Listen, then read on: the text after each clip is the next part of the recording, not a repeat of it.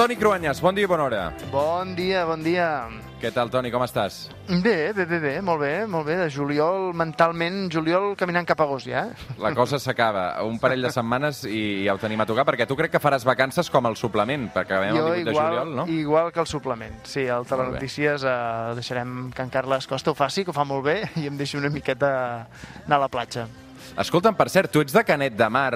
Uh, no Sí. sé si has estat a, a, al- al Canet Rock aquesta passada matinada. No, aquest, aquest any no hi he anat. De Aquest fet, ara som no. a Barcelona, eh, tornarem ara d'aquí una estona cap a, cap a Canet, a veure com ha quedat el poble. Molt bé, uh, perquè sabem que el Canet Rock uh, és històric, ara ha tornat amb aquesta versió des de ja fa uns quants anys, i aquesta passada nit, ho explicàvem també al llarg de l'informatiu, més de 20.000 persones uh, s'han reunit a Canet per assistir a aquest festival, tot un trasbals, eh? Home, sí, la veritat és que a nivell local és una mica un trasbals, però també t'haig de dir que val molt la pena i a Canet hi ha una tradició ja de molts anys de concerts, o sigui, diguem-ne que la gent ja hi està acostumada. De fet, una tradició de festival que també té molt contingut polític, Toni. Sí, perquè la primera edició del Canet Rock és del 1975, però prèviament, ja des de finals dels 60, ja es van fer molts festivals de música i de missatge polític a Canet. Avui amb el Toni Cruanyes, la història del Canet Rock.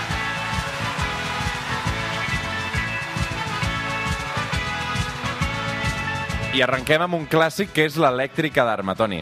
Home, són d'aquella època, perquè, mira, posem-nos en context. Any 1969, l'agrupament Escolta de Canet de Mar, per fer diners per les seves excursions i els campaments, decideixen fer un concert. Eh, El grup de pioners comencen amb recitals locals, els que es convida gent que en aquell moment estava despuntant, gent nova en el món de la música.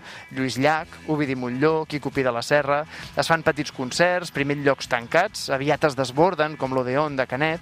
Hem de pensar que en aquella època apareixen entitats a favor del català a tot el territori, de la llengua i de la cultura. Neix Òmnium Cultural, surten revistes com Cavall Fort, Presència, Serra d'Or, els diaris Avui, El Punt. Eh, en paral·lel, el món és l'època també dels festivals multitudinaris de hippies a favor de l'alliberament sexual, del pacifisme. Els més coneguts són els de l'illa de White i Woodstock.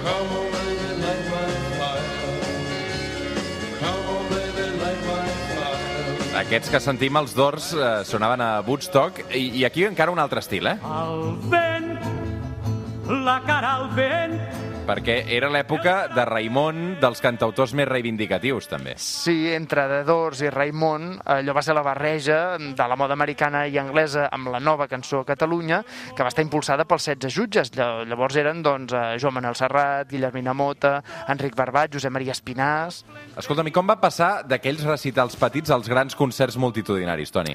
Doncs els concerts previs ja van tenir un èxit brutal, però a partir del 1971 es va començar les 6 hores de cançó de Canet, que a més les autoritats franquistes van començar a vigilar-les molt de la vora. Es va prohibir explícitament, per exemple, l'actuació de Lluís Llach en algunes edicions. La censura va vigilar que les cançons no tinguessin contingut polític. També cal dir que és llavors quan començaven a permetre's els concerts en llengua catalana. Allò va aguditzar l'enginy dels organitzadors i d'alguns grups, especialment La Trinca o Pau Riba, que s'inventaven lletres que feien referència balada a aquelles coses que no es podien dir. ai la censura, ai la censura, valga'm Déu, quina tortura. Clar, la Trinca feia trampes per passar la censura, Toni.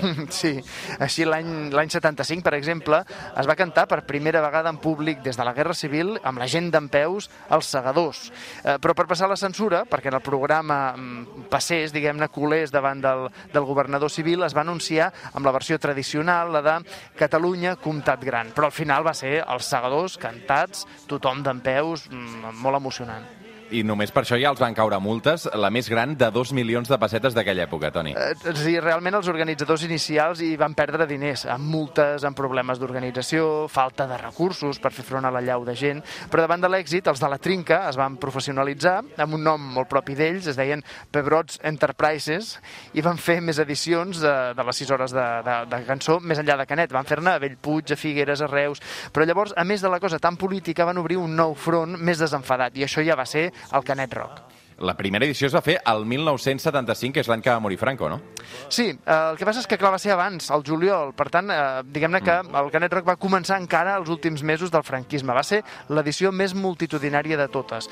Es diu que hi va haver entre 15.000 i 30.000 persones, es va prohibir la presència de Sisa, per exemple, però com un desafiament a l'autoritat igualment van fer sonar la seva cançó més coneguda. Oh, benvinguts passeu, passeu, de les tristors en farem fum. I, i l'any següent, el 1976, que Franco ja havia mort, eh, la cosa crec que encara es va desmadrar una mica més. Sí, llavors les autoritats polítiques i militars ja no estaven tan preocupades pel contingut més polític, sinó més aviat per tota la part de, doncs, d'alliberament sexual i la part religiosa, que recordem-ho, era, era en un moment això d'alliberament i, amb, i amb assistents molt joves, era l'època del Destape, a Canet Rock, el 1978, els va caure una multa de 500.000 pessetes del governador civil per greuge contra les creences religioses. I és que el cartell, que l'havia fet en Pau Riba, hi apareixia una mare de Déu amb una gota de semen que li queia directe de la lletra O del Canet Rock, amb un lema que parlava de la Virgo inseminada. Vaja, alguns grups catòlics eh, en aquell moment els va semblar que allò era molt, molt ofensiu i per tant van fer la denúncia i els hi va caure una, una multa de mig milió de pessetes. déu nhi uh, Van sortir altres festivals, no?, i el Canet Rock uh, es va deixar de fer.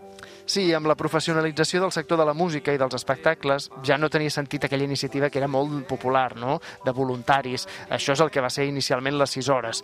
En aquell moment hi participava el jovent del poble, per exemple, doncs jo sé, la meva tia Teresa o el meu oncle Lluís, que no s'han dedicat mai a la música, però hi van participar a l'organització. I la majoria no s'han dedicat a això, però en canvi alguns, com el Joan Ramon Mainat, que ja va morir, o el Xavier Sardà, també eren entre aquests primers promotors que, sí, després són coneguts perquè van fer carrera en el món de l'espectacle i especialment encara més en el cas de la Trinca. És a dir, que d'alguna manera a Canet va néixer una de les eh, productores més importants del país, que és Jazz Music, Toni. Sí, una productora, recordem-ho, que està darrere de programes doncs, com Operació Triunfo o com Cròniques Marcianes. I ara fa set anys, el 2014, va néixer precisament, eh, de, va sortir de les cendres una altra vegada, aquest Canet Rock, de la mà de Josep Maria Mainat i de la Trinca. Sí, home, si ens hi fixem, i això té una certa gràcia, podem pensar que el primer, el dels anys 70, va néixer en un moment de, de molta intensitat política, era a finals del franquisme, però recordem que és que eh, aquell 2014 i els anys següents a Catalunya també van viure l'auge de l'independentisme amb una gran incidència en el Canet Rock, sobretot l'inicial. Ara, igual que abans, això és més que un concert purament de música. De matinada han trucat, són el replà de l'escala, la mare quan surt a obrir porta la bata posada. Avui arribarem a les 9 del matí amb una de les cançons que es va sentir al primer festival del Canet Rock, el clàssic de Maria del Mar Bonet. Toni Cruanyes, bon diumenge, descansa. Molt ben triada, m'encanta la Maria del Mar Bonet i aquesta cançó. Vinga, bon diumenge. Adéu, adéu. Trucant de matinada, de matinada han trucat. La llei